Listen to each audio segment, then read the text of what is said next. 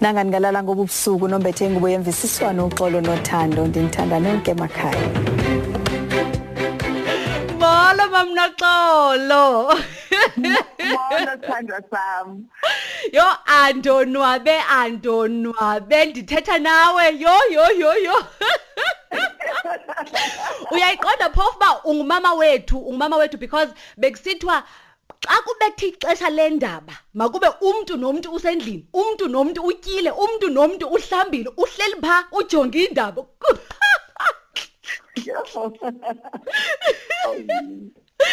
No mama Laxolo siyabonga kakhulu ukuthi sibe nethuba lokuthi sixoxisane nawe. Ngempela sikhuliswa wena thina thina sikhule ngama 80s 37 years ufunda indaba ka SABC bekuthiwa nje isikhathi seyindaba asishaye umuntu esehleli phansi esebuka esehleli la umndeni wonke uhlala ubuke indaba ubusushila uthi bhotani mawethu. Oh nkosi.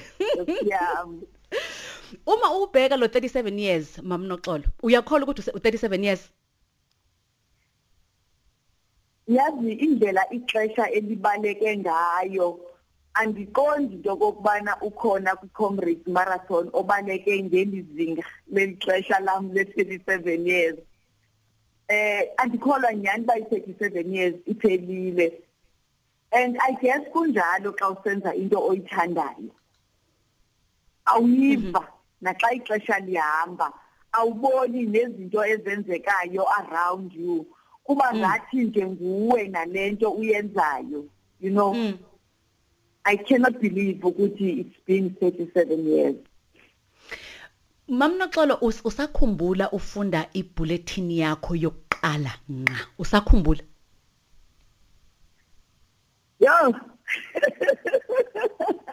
Ngisa- ngisayikhumbula.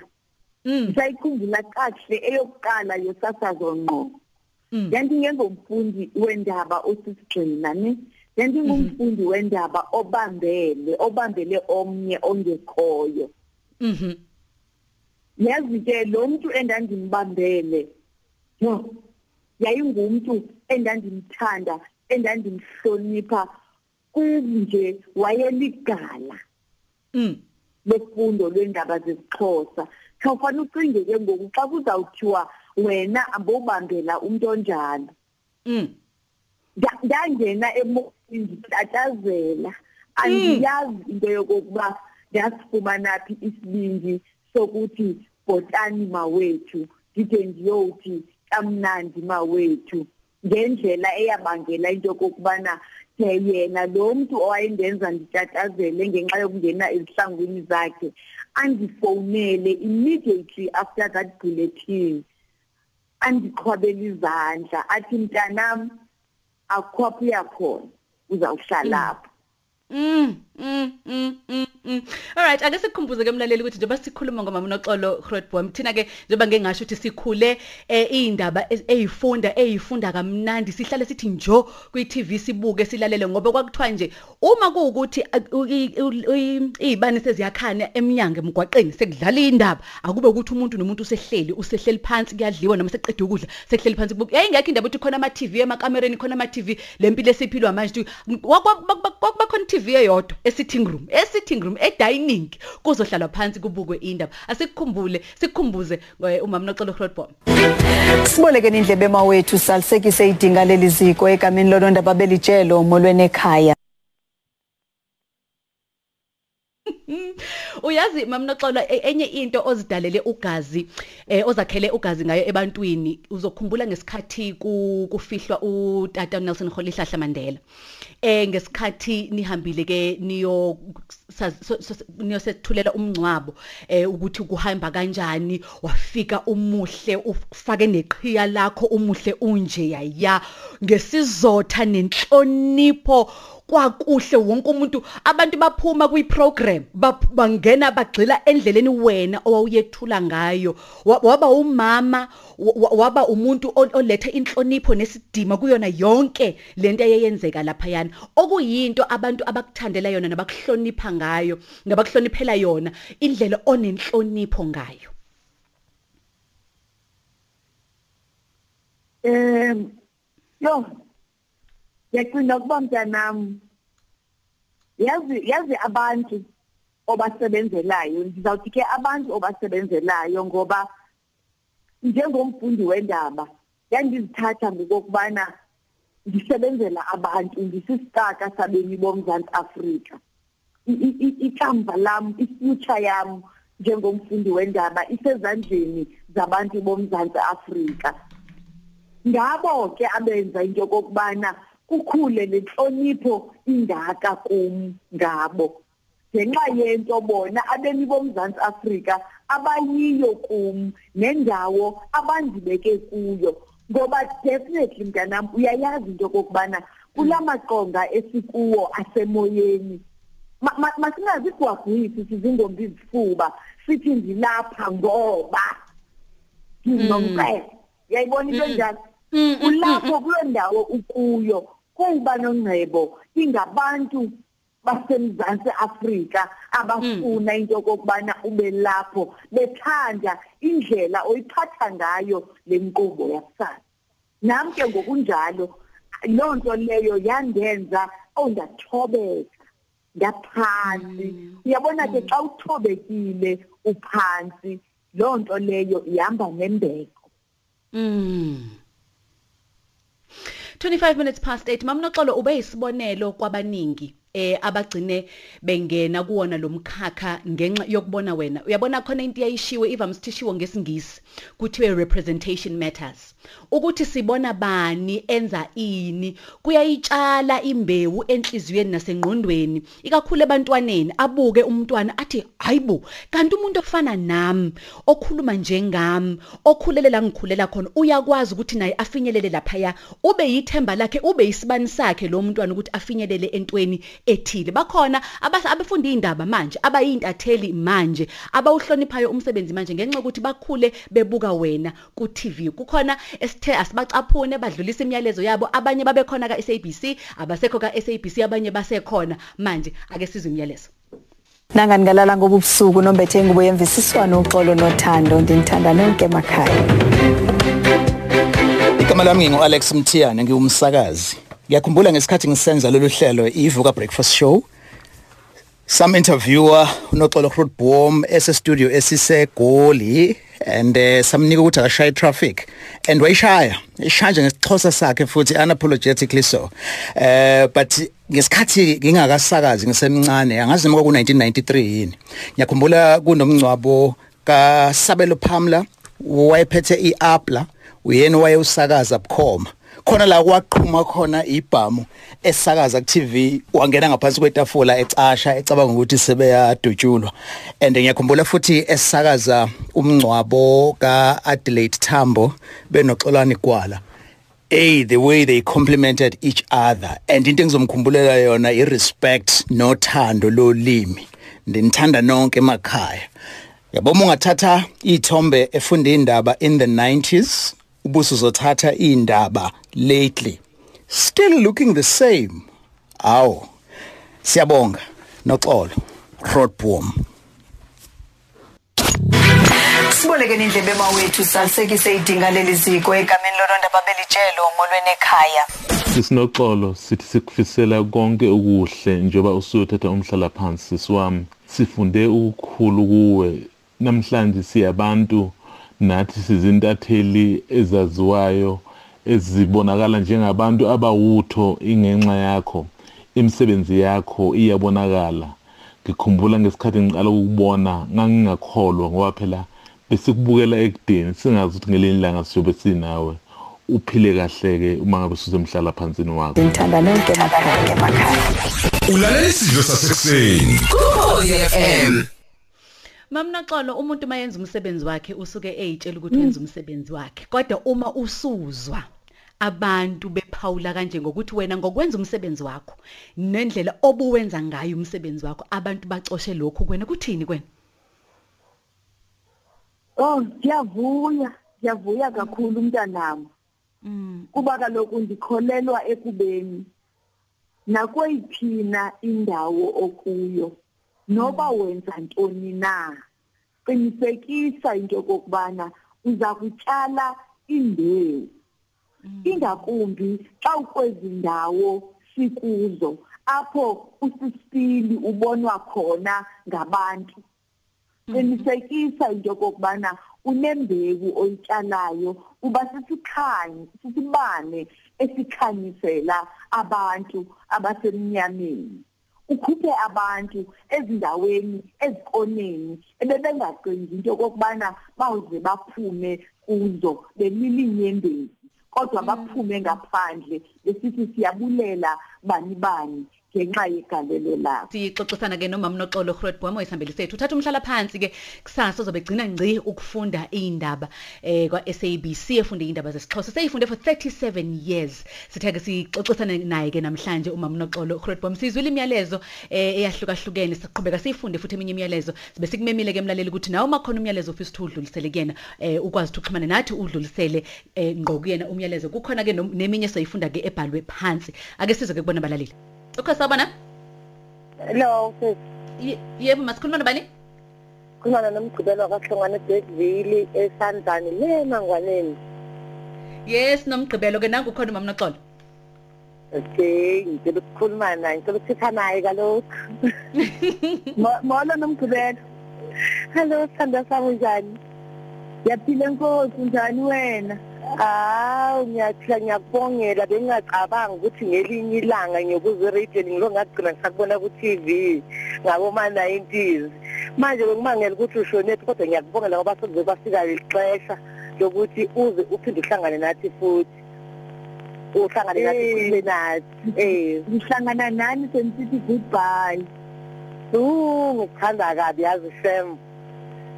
Hey, bengihlale ngitshela abantwana ngithi hayi u-hot bomb umthimkhulu. enkosi okhadebo bhungane nomashiya amakhulu Eke eke bengihlale ngisho njalo ngithi mina nazi mina hot bomb umthimkhulu obhungani. Uh ngiyabonga Sibonga kakhulu, Mgqibelo. Fani. enkosi sithanda sami thank you very much Ngiyakubongela, ngiyakubongela ukuthi uzothatha umhlala phansi kuse use umzimba uhlangane nomphefumulo. Enkosi enkosi sithanda sami Okay ngiyabonga. eh mama noxolo eh usithandiwe eh mayeza uthi inhliziyo yami igcwele uthando nombulelo njengangoku. Umama noxolo udlale indima enkulu empilweni yami. Ndilapha ndikhona namhlanje ngenxa yokuba ndakhula ndinephupha lofana naye. Ndiyakhumbula ndiyintombazane encinane yasezilalini zaselisikisiki xa ndandiaplayishela lokhu ukufunda etertiary ndakhetha i-language practice ne-public relations. Ndafumana ukwamkelwa kuzo zombini. Ndakhetha i-public relations ke. Kuzoba namhlanje ndisabambe uthando nomsebenzi uthando lolwimi lesixhosa uthando lwabantu ukuzimisela nentobeko. Enkosi mama. Wow. Mm. yo ngaske ndilile mamnoxolo hayi wena uthi ngakulile mina ndiyalila ngokwapha oko ndi- oko- oko oko ndakhaliswa ngabantu okokoko yazi? Hayi mm, mm. yo okay. Hayi, kukho yazi. kukho omunye umphulaphuli um mamnoxolo o- onqenela uthetha nawe. Ukho sabona? Enkosi Eh sawubona nongqo. yebo baba njani sawubona baba. Uyaphila mama noxolo. ngiyaphila enkosi njani wena? Uyaphila mama mina ngumgcini mafa ngawashezi le msina emzini ugqedini sakwantuli. Eh Umgcini mafa? sithi yabo mama. oh oh oh, oh. Ya ngithi ngiya- angisho mama ukuthi eh siyawazi kakhulu umsebenzi wakho eh unomoya omuhle umama olungile. Ngiyafisa ukuthi engathi nentatheli lezi esencane zingafika i13 kuwe zibone kuwe sisu ukuthi eh uma umuntu esemsebenzini sithatha kanjani? Umuntu umsebenzi wakhe uhlonipha ngayiphi indlela? Ngiyafisa mama ukuthi njengoba usuthatha impesheni nje engathi ungeyishintshe ungahlezi isibonele esihle lomoya nje onawo engathi ungahlezi unawo ngisho endaweni yangakini nasempeshenini lapho uyakhona engathi ungahlezi unje. Siyabonga kakhulu mama noxolo enkosi kakhulu enkosi kakhulu enkosi kakhulu ngiyabulela mamnoxolo babhalile kabalaleli naku-twitter eh u-dj asiye wabantu uthi ngimfisela okuhle umamnoxolo usisebenzele isizwe sethu. Usihambanjwa ebritain uthi into engichaza ngomama unoxolo ukuthi ulimi lwakhe yaliqhakambisa futhi umuzwa ekhuluma nje ukuthi ekuqashweni kwakhe ukwethula iy'ndaba ngolimi lwesixhosa ubema kulo engalixubi nalutho noma ubengayixubi na- bengawaxubi eh nama- bengalixubi namanye ama-languages. Ukubuza koni mbungu banemsinga top uthi sesinongcebo abe mahle kakhulu amava kamama noxolo ngimfisela umhlala phansi omuhle noneyibusiso eh u Innocent Thuse Sihosheni eh uthi ngiyabingelela lapho kumamfene. Usebenzile iminyaka emingaka siyabonga sengathi angaphumula kahle. Eh uDonda ubuke goba ihlahla uthi ngimbongela umama noxolo ukuthi usebenza isikhathi eside kangaka kwa SABC into engandele bani ukusebenza isikhathi eside kangaka? Ufihla isikhwele nathi shabalala uthi siyabonga mama noxolo uyibekile induku ebandla uNkulunkulu asigcinele uwena sibolekeni indlebe mawethu salisekise idinga leli ziko egameni lolonda babelijelo molweni ekhaya Sanibonani balaleli igama ngokubusana imthembu ngisophikweni le indaba eSABC. Um sisinoxolo iqhaza olibambile kusakazeni indaba kuleli lekhulu ngendlela emangalisayo. Kunabantu abaningi owenza ukuthi bawuthanda umkhakha weindaba emva kokubona indlela ke ozethula ngayo lapha kumabona kude. Njengomuntu ke owasebenza nawe egunjini leindaba, mina ngahlatshwa umxhwele ke indlela owawuhlonipha ngayo umsebenzi wakho, indlela ke obohlonipha ngayo ababukeli, nendlela ke obobahlonipha ngayo oza kwenu. Ngisho ke ungasabonakali kumabona kude ozakeni bebeqhubeka nokuncela ulwazi kuwena. Nokuyinto bulukhu uqhubekile njalo ngokuyenza ke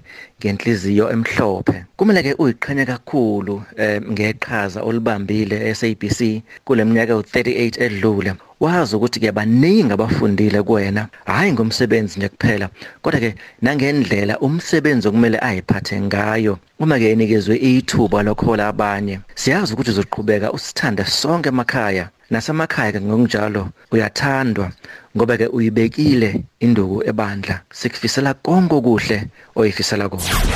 Ulalela isidlo sasekuseni. Egameni lolonda babelijelo molweni ekhaya. Sanibonani igama lami uSibonga Ingcobo. Ubani owayazi ukuthi sizofundiswa futhi sithole uthando olungaka ngokubukela indaba zesixhosa kumabona kude. Sisinoxolo? Ususithande sonke emakhaya eminyaka yo38. Awumanga nje kusithandeni kodwa uthinta amantombazana amancane amaningi wasenza siyibone senze likhulu emkhakheni wosasazo. Uphinde wasinya nesibini sokuthi siphuphe wazivulela nendlela. Kuyangijabulisa ukuthola ithuba lokukhuluma nomuntu esikhule phambi kwakhe simbuka kumabona kude akwenza ungafuni ukuphuthelwa indaba ngoba ububona uthando lomsebenzi wakhe nothando lomlaleli. Uwonwabele umhlala phansi wakho. Mamfene, Hlathi, Lisa, Jambaze, Msuthu.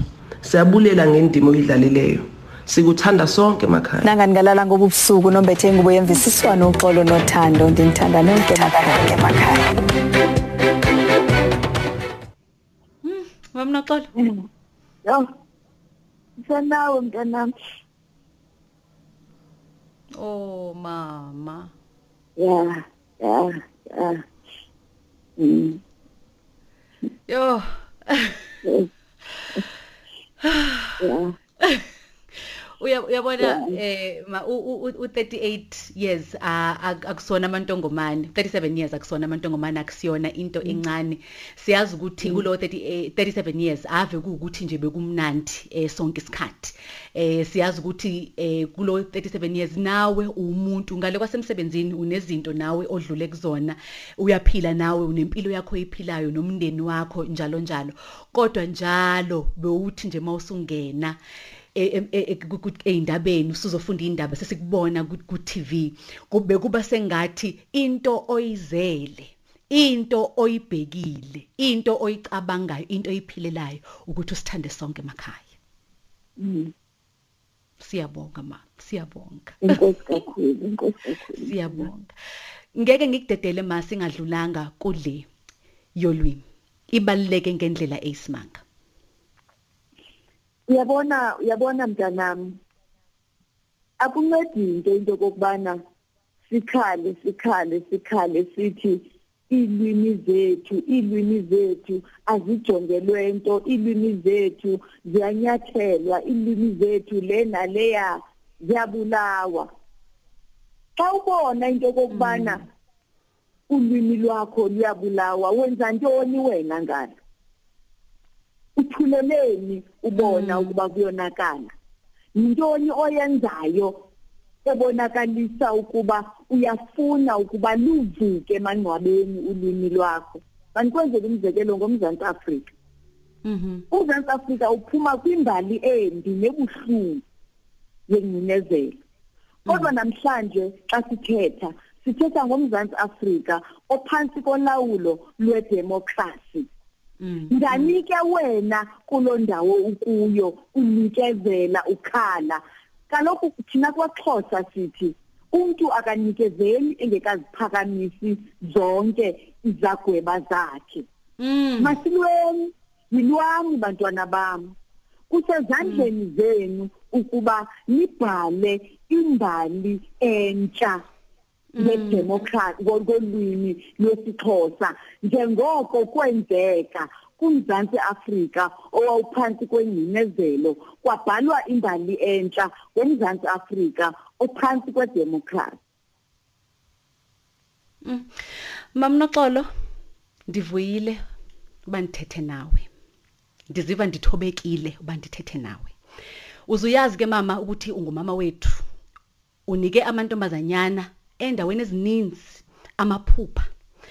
Uyonwabele iretirement yakho ndikunqwenela iretirement emandi sazoqhubeka uphile mamnoxolo. Ndikunqwenela impilo eyokozela amathamsanqa. Ube sisibani kuthi. Enkosi mama siyabulela. Bulela mina bulela mina inkosi kakhulu ngibamba kasibili bamba banda kwaliwa ngomthakathi mntanami bamba Uze- wazi mama ukuba nathi sonke emakhaya siyakuthanda. Nami ngokunjalo benithi ke ngobu busuku xa niyobeka icala niyokulala niyophumza imizimba nilale nombethe ingubo yemvisiswano uxolo nothando. Ndinithanda nonke emakhaya. Nangani ngalala ngobubusuku nombethe ingubo yemvisiswano uxolo nothando. Ndinithanda nonke emakhaya.